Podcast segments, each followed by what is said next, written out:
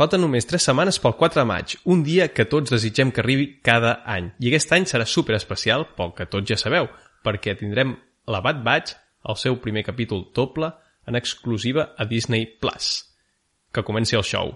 Benvinguts a Trotacels, un podcast de Star Wars.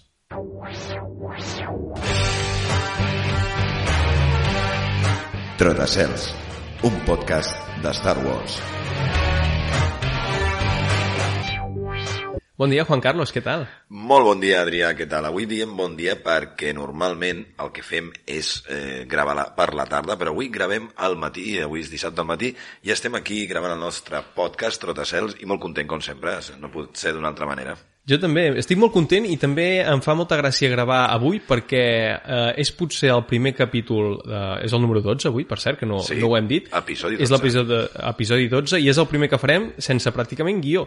Coses que passen, eh, no ens hem pogut preparar massa, però tot i així tenim moltíssimes idees al cap que ara explicarem de forma desordenada. Així que serà un programa eh, diferent, una mica diferent. Sí, una mica diferent i també explicarem coses que estan passant. Vale? Jo, si vols, eh, a part de que després parlarem del personatge i una mica Sí. això, jo, si vols, vaig a tossir, perdó,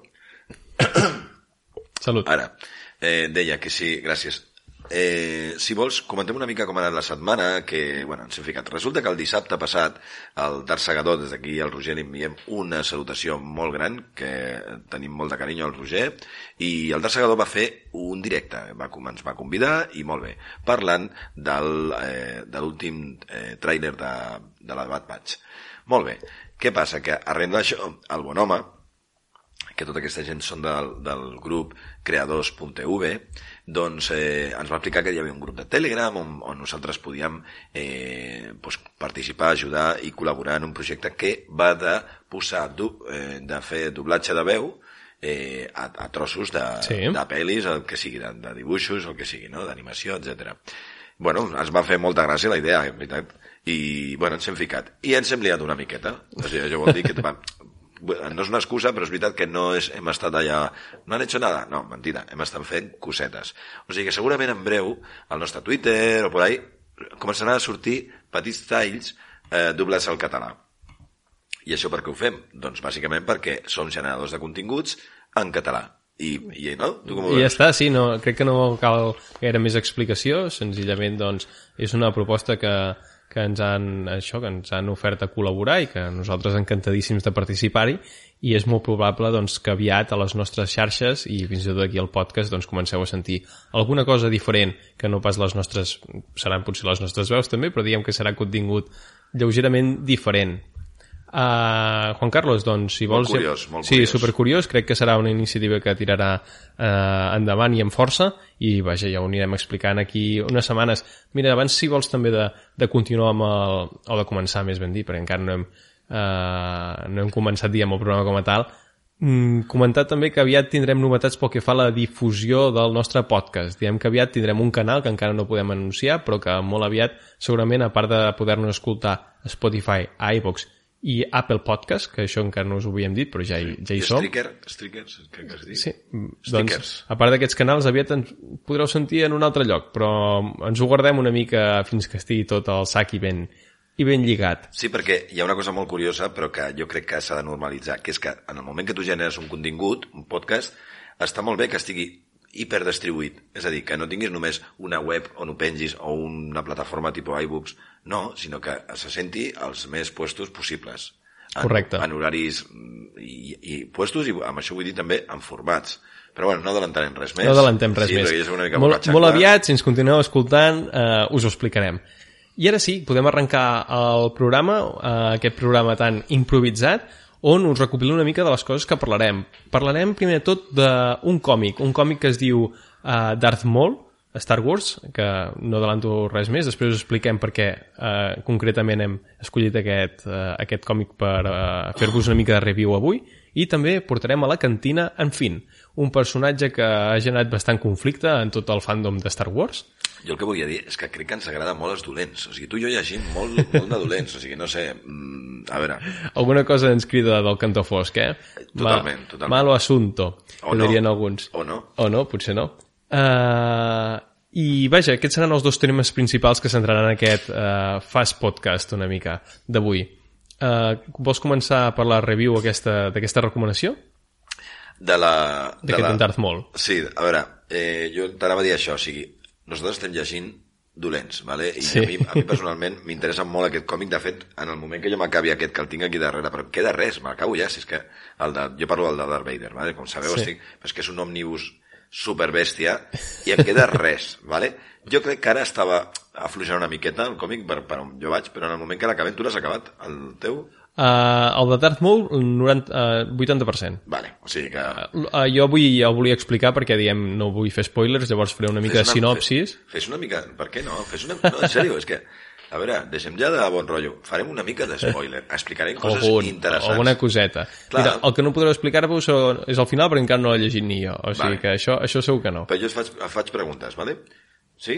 En quina època està ubicada, primera? Doncs mira, va, comencem ja amb aquesta review de Darth Maul, Star Vinga. Wars Darth Maul, eh, que està ubicat just abans de l'amenaça fantasma. Molt. Eh, molt poc abans. De fet, eh, el, el còmic comença eh, amb un Maul que ja està entrenat, està preparat, està molt a punt per posar-se en acció, però Darth Sidious considera que encara no és el moment. Li demana paciència tota l'estona a Sidious a, I ell és a Maul. impacient. I ell és totalment impacient. Ell, ell es vol posar a prova, ell vol entrar en acció, ell vol combatre aquests tals Jedis que encara no n'ha vist mai cap I per què té tant d'odi als Jedi? O sigui, perquè... No? per, per la instrucció que ha rebut. Vale. Ha estat instruït totalment des del cantó fosc i li han relatat, eh, de fet en el, en el còmic hi ha una escena eh, molt bé que a nivell de- d'il·lustració és una passada també, on eh, dient que molt es- està meditant i es transporta a un planeta que no es diu on és, però sembla que és pinta com a Exeol o un planeta d'aquests molt vinculats al cantó fosc de la força i ell s'imagina el moment en què, on els Jedis van purgar els, els, uh, els, uh, els Sith, no? Sí. I, I ell és un punt de vista curiós perquè veus com els Jedis com si fossin els dolents de la pel·lícula, que arriben eh, allà i es carreguen a tothom, simplement perquè pensaven diferent, simplement perquè eh, ells utilitzaven la força d'una forma que els Jedis consideraven que no era la bona, que no era la correcta. És un punt de vista eh, molt diferent i ell per això té aquesta ràbia, perquè li han explicat aquestes històries, ell se sent un Sith i per tant considera que els Jedis van destruir els seus. Evidentment és un punt de vista molt, molt, com dir manipulat de la història, perquè, evidentment, els Jedi, si, que, si així va su- succeir aquells fets, eren purament per, per una defensa, no? perquè aquella gent estava utilitzant la força d'una forma eh, contrària als valors de l'ordre Jedi que consisteixen eh, molt a, vinculats a la pau, no? Diem, el que seria la puresa Jedi, sempre utilitza la força per defensar la pau. I, i, so- i el Sith, com sabem, no, direm que aquest no és ben bé el camí que van, que van escollir. T'has posat molt sèrio, eh, Adrià? Sí, em posa molt seriós, perquè és, és una escena que és que just la vaig llegir ahir i la tinc molt fresca i, i això, i que em va cridar l'atenció, que és com, és considerar els Jedi com aquells que ens treuen la nostra llibertat de poder utilitzar la força com nosaltres considerem oportuna. Dius, ja, però és clar, si la consideres oportú és carregar-te la gent, eh, és, és aquest, eh, aquesta contradicció. Sí, però al final sí que és veritat que és o, o tu o jo. O sigui, no, no podem estar els dos en aquest, en aquest poble, no? O sigui, o tu o jo. O sigui, Molt western, això, eh? Aquest poble no és, no és prou gran per tots dos. jo sí que era molt western, però és la veritat. O sigui, jo m'imagino arribant allà els Jedi, tal, de buen rotllo, arriben, tal, i, i, i què passa? Que es carreguen a tots els, els Siths. Bueno, els Siths, o els que eren Siths, o sigui, hi havia diferents races, o... Més que races, eh, sí, podríem dir que eren Sith. No sé si ells es, es denominaven Sith com a tal, podríem que eren gent que utilitzava la força eh, amb uns objectius diferents a Però, l'hora. però eren diferents races o no? Ah, sí, cada Sith, diem, pot ser una raça, o sigui, En el, com en a el individu. planeta, eh, parlo del planeta, l'escena aquesta en concret Sí. que... És que com tot es veu molt, juguen amb les ombres. Entenc. Perquè al ser o sigui, anècdota que ell s'imagina, no, no s'imagina com... Ja sé que et refereixes, si és una Sí. tal raça, una espècimen, sí. d'una forma, que si aquest és humanoide, aquest no. No, no, ell s'ho imagina tot amb, amb ombres. Ni- L'únic que es veu, de fet, en la il·lustració són espases làser de colors i que no es veu cap vermella, per cert, a l'escena, només veuen com espases blaves i verdes, com foradant a ombres, no? Ombres foradant a altres ombres. Està molt bé. I, i vaja, eh, tornant una mica enrere a la pregunta que, que em feies, ell, ell vol entrar en acció per això, perquè es, vol, una, vol venjança. És, és cantó fos puro i duro. vol eh, aniquilar Jedis. Està preparat i està fart de posar-se a prova amb bèsties de l'univers que són eh, que per qualsevol persona doncs, eh, serien horribles i que moriria segur, ell les liquida d'una forma super senzilla i vol, vaja, vol entrar en acció. Però Sidious no vol. Sidious té el gran pla, el gran pla que tots sabem que acaba amb l'ordre 66, que és un pla molt complex i que demana paciència, que cada cosa es faci en el moment oportú. Home, jo crec que al final sí que ho aprèn, perquè realment és un personatge que evoluciona en aquest sentit. És molt salvatge prèviament, però, a, a, a, per exemple, a l'episodi eh, 1, a l'episodi 1 és molt salvatge, però Sí. ja, té un, ja és una mica estratègic, ja, no? Sí, i sembla que mor, que al final després no mor, ho sento molt si no ho sabeu, mireu Clone Wars i ja està. I, i, i què passa? Que a Clone Wars, per exemple, és molt més metòdic, molt més... sí té un- madura, no? en, Madura, aquest, eh, madura. en aquest aspecte, sobretot eh, al final de Clone Wars, com veiem que ell prepa- prepara aquella estratègia per atraure, eh, sobretot a Anakin, que tothom es pensa que vol atraure a Obi-Wan, però qui vol atreure és Anakin, eh, a Mandalore, Uh, aquesta estratègia sí que ja demana una reflexió, una paciència. En aquest moment està, eh, ell està madur, en aquest, uh, en, en, es situa en aquests fets, que és just abans de l'amenaça fantasma, com dèiem abans, aquí no. Aquí ell, és, com deies molt bé, és molt salvatge. És, és, al final és com un padawan. Ell es fa dir Sith, però no ha entrat mai en acció contra un Jedi. Clar, I vaja, eh, tornant una mica a la sinopsis del llibre, eh, ell, aquesta, la paciència que li demana Sidious, doncs ja no l'aguanta més eh, i Sidious li encomana una missió molt discreta una mica per tenir-lo entretingut, eh? sí, per desfogar-se una mica. per desfogar-se, eh, desfogar-se Està i molt bé. llavors se'n va ajudar la Federació de Comerç, que ja té certs vincles amb Sidious, Clar, uh, per uns problemes que tenen amb uns pirates, bla, bla, i durant aquesta missió ell rep una informació i és que una, uh, una líder criminal ha segrestat una Padawan i que farà una subhasta i la vendrà doncs això, el que pagui més uh, i ell quan se n'entera que hi ha una Padawan Jedi segrestada per un, una líder criminal decideix posar-se en acció i diu jo vull aconseguir aquesta Padawan perquè sé que si aquesta Padawan eh, la, la puc eh, tenir jo eh, segrestada Ah. atrauré el Jedi ah, molt bé. i diem que desobe desobeeix a Sidious perquè Sidious sobretot li demana paciència, que no es faci veure, que ningú es conegui la seva existència fins que ell ho consideri oportú.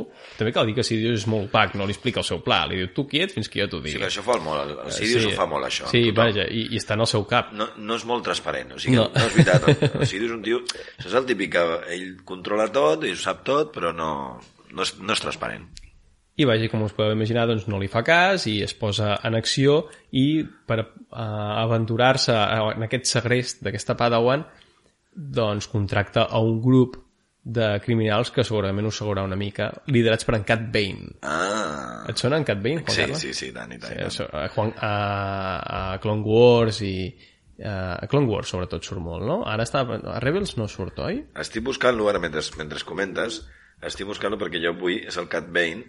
A veure, un moment. Ai. Té alguns capítols bastant interessants amb l'Obi-Wan, eh, Sí, no, sí que, sí que me'n recordo, però, eh, o sigui, és molt pro. I el Cat Bane, què passa exactament? O sigui, és el que... en, molt contracta en Cat Bane perquè l'ajudi en aquest segrest del Cat Bane i tot, diguem, tot el seu squad, no? Que déu nhi o sigui, al Cat Bane estem parlant d'un recompenses molt pro. Jo Sí. crec, a Clone Wars és...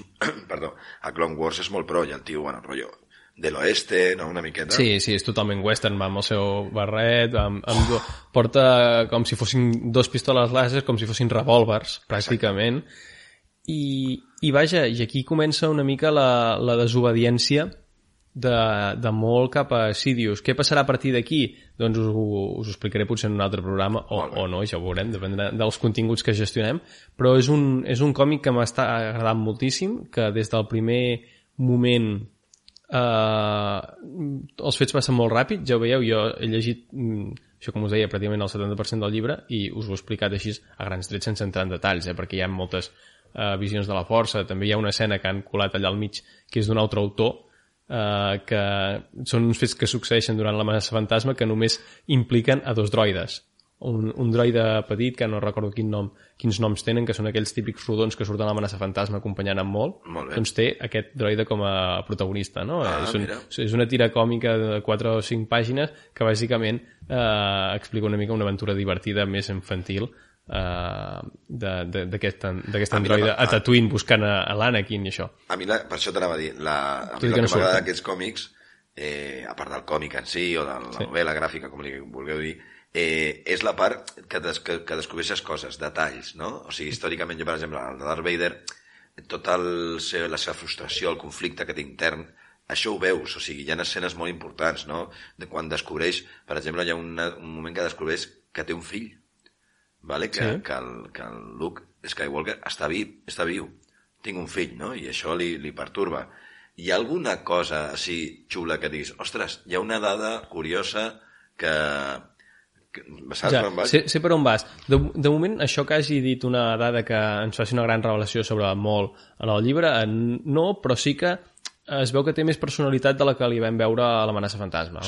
L'humanitza més. L'humanitza molt més. Uh, l'amenaça... I, I sobretot que el fa que, amb idees pròpies. Clar. Rebel·lar-se contra Sidious i de forma totalment secreta. Ell mor els seus fills per aconseguir enfrontar-se als Jedis, ignorant allò que li ha ordenat a Sidious, demostra una personalitat que durant l'amenaça fantasma no li veiem. Ell, No. allà és un obedient. Sí, i no li veiem, però perquè realment surt poc. O sigui, si tu, si tu mires les escenes que té i tot, mm. surt molt poquet.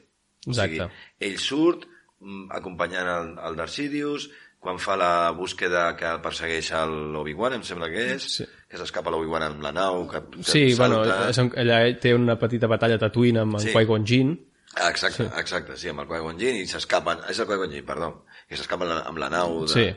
de l'Amidala, em sembla que és, Sí, sí, és la nau de Padme. Bueno, Ah, de, de Naboo, sí. de Naboo, i tot això, però ja està, o sigui, després eh, els, eh, hi ha el, la lluita a tres i mor, que no Exacte. mor, però bueno, Però sí, diem que fins, fins, diem fins que Clone Wars el va ressuscitar estava, estava ben mort. Doncs, sobretot això, mi- mi- més enllà d'una revelació d'una dada en concreta, com deies l'exemple de Darth Vader, oh, descobreix que té un fill. Aquí, de moment, fins on he llegit, no hi ha cap dada en concret que ens reveli res de l'altre món, però sobretot és, és l'essència del, del personatge. És, eh, en Darth Maul aquí té personalitat, pensa, té idees pròpies, té molt clar perquè lluita. No és un, no és un gos rabiós que fa allò que li diu el seu amo. Ell té clar els seus principis, que ha estat educat en el cantó fosc, s'ho creu eh, cegament, té una fe brutal eh, amb, amb tot el que és eh, la ideologia Sith, i, i la defensa i, i ja està fins als nassos de que li diguin què ha de fer i què no i això és, és molt contradictori després amb el que passa amb l'amenaça fantasma segurament potser els fets de com acabarà el còmic em, entendré per què és tan obedient durant l'amenaça fantasma pot ser, Pot ser. exacte, pot ser, o pot ser simplement que la Marcia Fantasma surten escenes, insisteixo, que ell, ell ho va dient, però no, no arriben a, a mostrar el personatge realment. És que Mm. jo crec que el, el Darth Maul, i això s'ha parlat sempre des de molts anys, perquè ja té uns anys, la Marcia Fantasma, que el Darth Maul és un personatge que no es va explotar. no, Es, es, va, totalment es va explotar un Jar Jar Binks que jo l'hagués matat al, als 5 minuts i, i aquest tio, clar, ja, jo crec, eh, a veure, perquè és, és real, o sigui, el que Sí, sí, estic sí. dient no estic dient cap tonteria. Hi ha moltes cagades en aquestes pel·lis en aquest sentit de tal. Sort del, del canon que després, no?, i hem tirat i, oi, és superbé, no? I a Clone Wars, meravellós Clone Wars que li ha, li ha bueno, l'ha ressuscitat... Eh, sí, li ha donat una trama Clar, eh, una, una trama on ell és el protagonista bueno, l'antagonista, no? L'antagonista, però bueno, té el... i tot, i s'espera l'Anakin, però qui va és la Soca, i tal, i, o sigui, està molt bé integrat en aquest sentit. Sí. Després té una mort a Rebels, eh, jo crec que molt injusta, vale? a veure què passa amb la sèrie d'Obi-Wan, ja veurem, tot esperem que surti, jo, ojalà, que surti allà, no sé, perquè clar, no ho tinc clar perquè en teoria no hauria, però bueno, no sé, ja ho No veurem. sé, aquí haurien de començar a creuar dades de Rebels, de, de, de la història de- d'Obi-Wan. Però jo crec que ho han de fer, perquè si no ho fan...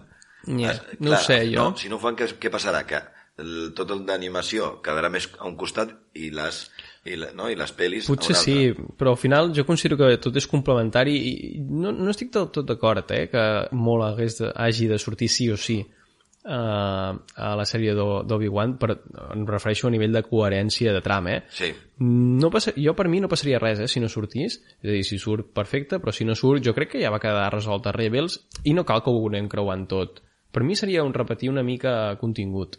Però és que, però és que fa ràbia quan hi ha lluites tan poc currades. O sigui, tio, vale que ja sé que sou grans, l'Obi-Wan ja té una edat, l'altre està fet caldo... Sí, ja ho sé, però, tio, un final més èpic. Jo crec que el Ja. Paul es, es mereix un final més èpic. És, que ho hem dit 40 vegades. La lluita del Darth Vader a Obi-Wan a l'episodi eh, Quatre. 4. Correcte. Mm, a veure, una mica de- d'èpic, no sé, alguna coseta, no? Ja. És- Sembla ahí dos señores mayores dándose bastonazos, venga, fuera. Clar, no sé, digo jo. Però bueno, era una miqueta així la crítica i més que res això. En qualsevol cas, eh, m'interessa molt aquest còmic, jo te'l canviaré per l'Omnibus. El Sem- l'Omnibus fliparàs, o sigui... Tota, totalment, te'l deixaré i, i t'agradarà molt perquè és molt ràpid de llegir. Vaig, és que m'hi vaig posar fa 3 dies i ja pràcticament, com us he dit, ja, ja el tinc acabat. És molt ràpid, eh, passa molt bé i hi ha moltíssima... Des del primer moment la trama és molt, molt ràpida, així que passa superbé. Molt recomanable. Uh, us deixarem potser més detalls a Twitter, uh, és editorial còmic uh, a Planeta, com, com pràcticament Sí. tots els que es publiquen aquí, en castellà, i agrair també, aprofito, a la persona que ens l'ha regalat, que és l'Adrià, un oient, no us penseu que estic parlant amb mi ter de tercera persona, és un altre Adrià, que vaja, ens l'ha regalat, i no només ens ha regalat aquest còmic, sinó que ens n'ha regalat dos, Uh, aquest és el primer que he començat perquè em cridava més l'atenció, tot i que l'altre també pinta molt interessant, que es diu uh, Obi-Wan i Anakin. Uh, que encara no sé què passa, ni de què va, ni res. Per tant, suposo que aquí uns quants programes també us parlarem d'aquest altre còmic. Perfecte. Doncs si vols, eh, ja portem un 22 minuts de programa, déu nhi Anem a...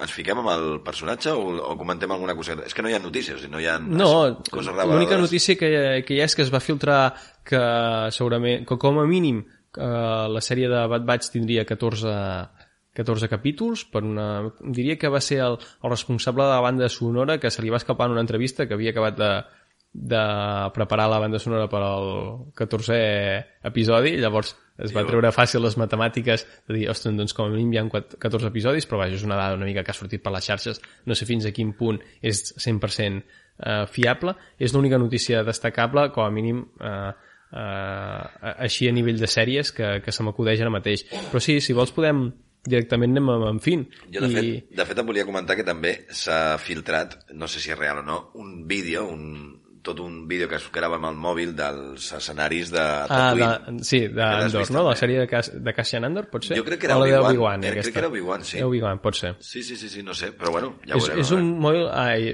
mòbil, és un vídeo gravat amb un mòbil així, eh, em sembla que l'he vist en, eh, en, en vertical que em sembla que la persona que grava amb cotxe o una cosa així, no? I es van passant com per Sí, darrere. traveling, és un, com un traveling, no?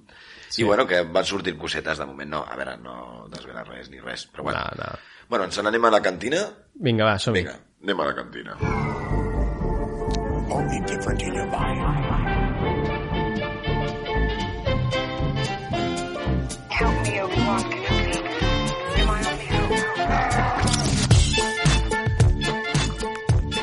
Doncs avui a la cantina, com us hem avançat al principi del programa, tenim en Finn, un personatge que va generar molt conflicte i avui a la cantina l'hem plantejat eh, d'una forma una mica diferent. En lloc d'explicar-vos la vida i miracles d'en Finn, com fem normalment, és a dir, explicar-vos doncs, què va passar amb el seu personatge a les pel·lícules, eh, algunes dades curioses, etc. Avui directament ens posarem a debatre del personatge com a tal, de l'existència del personatge, de, de la seva essència. Avui, de fet, entre aquest i molt ens haurà quedat un programa eh, molt reflexiu pel que fa a personatges. Sí, una miqueta. A veure, és un, és un personatge, al fin, eh, no sé, suposo que tothom se'n recorda, però que acompanya la Rei i en Po i tal. Vale, és un personatge que comença... Jo no parlarem del personatge en, en si, perquè... No està que- bé, per mi, Jo per mi endavant, Juan Carlos. Exacte, l'Adrià ho ha dit molt bé, no m'excusaré i no, no el repetiré. I anem a, anem a per ell. Vale? Anem a per ell. Doncs eh, recordem, fem una mica de memòria molt ràpida. En fin, personatge protagonista de l'última trilogia, eh, un personatge que té els seus orígens eh, com molts altres eh, diem, nens i nenes de, de la galàxia que durant l'imperi doncs, van ser segrestats i forçats a ser soldats de, diem, de formar, formar part de l'exèrcit de l'imperi i que es diu Finn doncs, eh, jugant una mica amb el nom que tenia eh, a nivell numèric dins de l'exèrcit de, de l'imperi. Eh, Exacte. Aquest és un soldat de salto, de salt, Mm. eh, sembla ser que és un humà sensible a la força, vale? això és un... Sí, és una cosa que no queda molt clara, però sí, que... Ah, sí? sens- Sí, sí, sí, sigui, és sensible a la força. De fet, eh, comença... Jo crec que al, al final no li... D'alguna manera no li demostren, però ell és sensible a la força i per, per què ho sabem? Perquè el Kylo Ren es dona compte. Es dona compte de que està passant alguna cosa amb ell. És sensible a la força molt poquet. Però això és una conclusió que treus de per, perquè en Kylo Ren es fixa una mica amb ell Clar, veu que i alguna pel cosa... combat que té també més endavant eh, amb l'espasa làser, potser per això? No, més que el combat, jo crec que és la part aquesta més de, que detecta que el descobreix, que què passa amb aquest, no? És a l'FN 2187, 2187, el crida diverses vegades, i, i jo crec que ella ja nota que és un humà que és sensible a la força, ¿vale? bueno, aquesta és la part una mica que jo crec que comença bé, però després es converteix en un personatge que fa mofa, molt, és un personatge molt còmic, Mm, crec que dona joc, però tampoc molt, a nivell còmic, tampoc està molt, molt ben lograt en aquest sentit. Eh, mm, jo crec que el recupera una miqueta, ara me'n vaig al final, quan té la seva companya, quan va amb la... No me'n diu, no me'n recordo el personatge, però l'escena que eh, estan atacant la nau i va amb la, les dues noies i tal, que una, com hi ha un romance i una miqueta, no sé, Sí. saps? La mecànica, la una que és mecànica... Bueno, Sí, sí, ara la Rose, no? La Rose, Sí? es diu? Sí Crec que sí. doncs amb la Rose, tal, i allà sí que jo crec que és un film més valent, més currat, però tota la progressió del personatge des de que es desperta, diguem, des de que eh, bueno, traiciona la primera ordre eh, i, i fa la seva fugida i tot, en aquell moment jo crec que és un personatge que, bueno, que està allà d'alguna manera, no? Va, va ben coses còmiques, com deia, i no s'entén tampoc molt, o jo no ho entenc, la relació que té amb la rei. No sé fins a quin punt... Sí, perquè sembla que hi ha una relació de... No sé, és que hi ha el trinomi aquest de, del por, el fin, la rei... Tampoc acabo d'encaixar. Jo crec que anaven una mica despistats. O sigui, no sabien com ubicar aquest personatge. Si més còmic, si el agafem com el superamic de la rei que no li fallarà, Ja. si podia tenir, per exemple, un conflicte més intern perquè ell ha fugit de la primera ordre i no sé què, coses d'aquestes, i realment el personatge no li donen, no li donen canya. Però bueno, més enllà del tractament del personatge, el que sí que podem dir és que a mi eh, la idea em va agradar molt.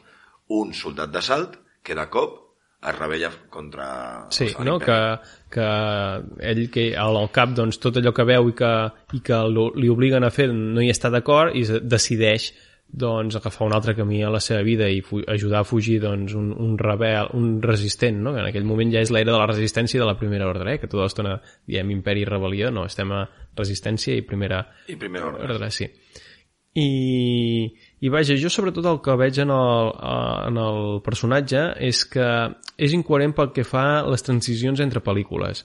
És a dir, comença que sembla que hagi d'obtenir una mica un rol a l'estil Han Solo, però no, perquè és en Pou que, que, que el sí, fa. agafa aquest so, sí, agafa aquest, sí. Uh, llavors, uh, a mesura que van avançant les pel·lícules, doncs això, no? Té, té una espècie de- d'història amorosa que no n'hi ha n'hi ha vàries, no?, durant l'última trilogia, però una més és la de, és la, de la Rose i, i en Finn, però que no s'acaba de desenvolupar. Durant la tercera pel·lícula la Rose perd protagonisme i ell també una mica i deixa veure que té algun sentiment cap a la, cap a la rei, o un sentiment que va més enllà de l'amistat. Per tant, és un personatge, jo crec, que hi ha una incoherència de fil de no saber-li trobar el forat en cap moment i de no saber-li eh, bus- això, no? trobar si cada un té el seu paper dins la trama no, no parlo d'una trama de Star Wars no? sinó a nivell de, de, de l'argument d'una pel·lícula que cadascú té un seu objectiu Exacte. cada, com- que fa que es compleixi l'objectiu sencer de la pel·lícula. Doncs crec que, en fi, tota la història, tota la història li estan buscant el forat i no li troben. I és un personatge que està... La seva història és maca. Si em deixes Sí. llegir una miqueta, mira. Sí, tant. Diu, eh, va néixer a l'any 11, després de la batalla de Yavin, mm. durant l'era de la Nova República. El, el seu nom, eh, diguem com a soldat, era FN2187. Era eh, part de la nova, de la nova generació de soldats d'assalt. Eh, bueno, doncs eren nens humans reclutats Mm, sí. eh, en, la, en les forces militars de la primera ordre.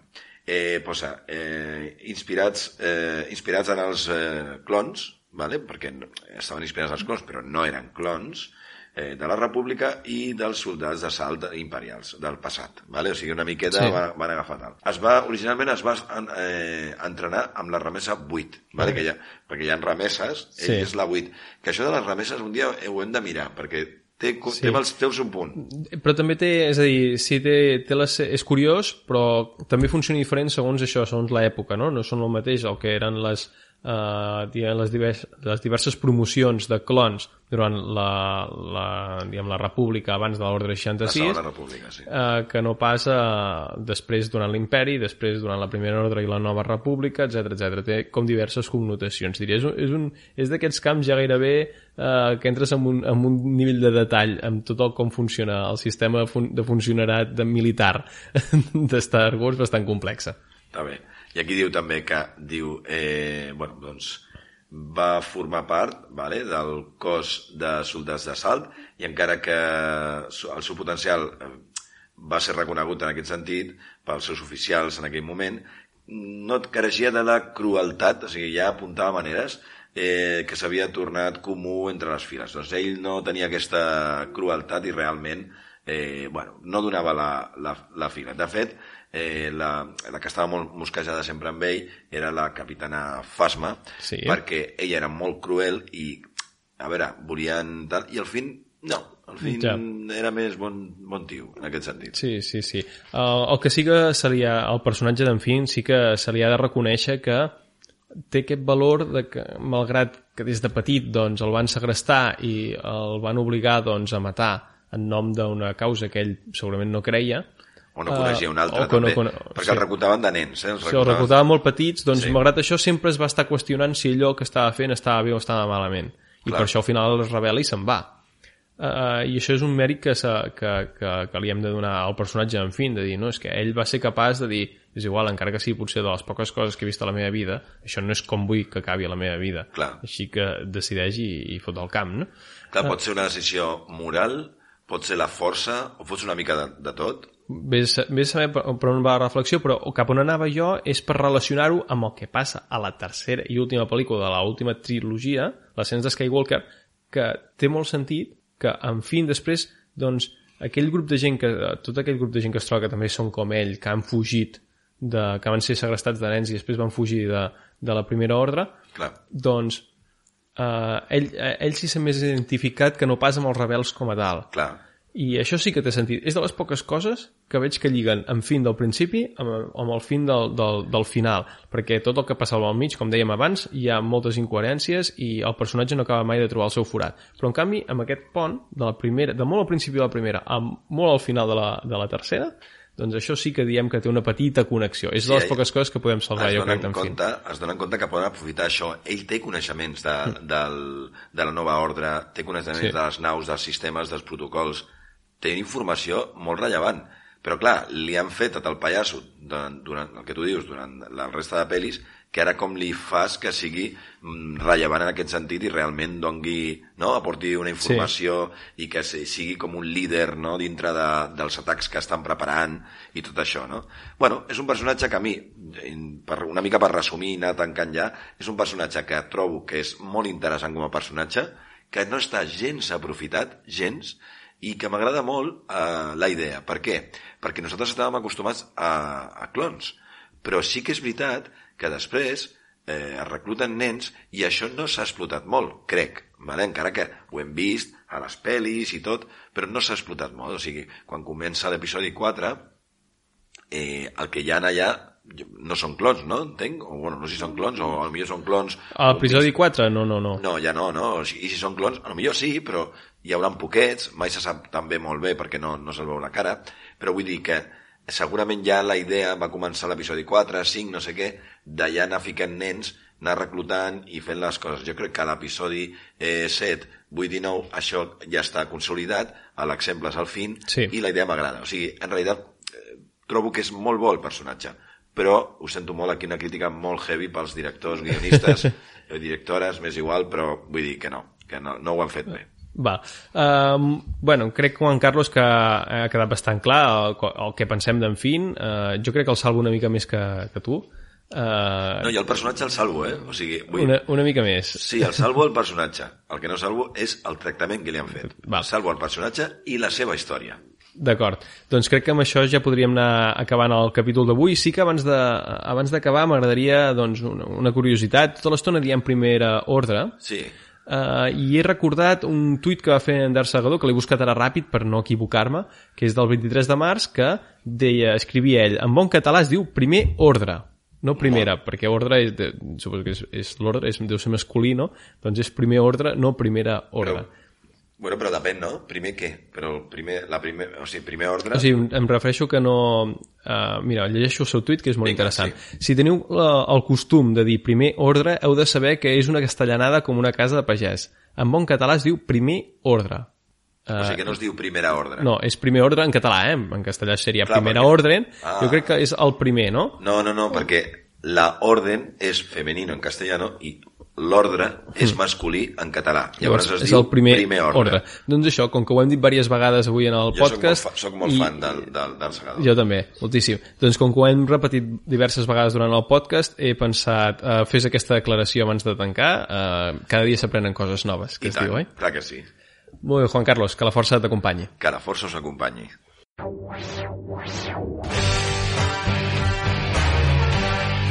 Trotacels, un podcast de Star Wars.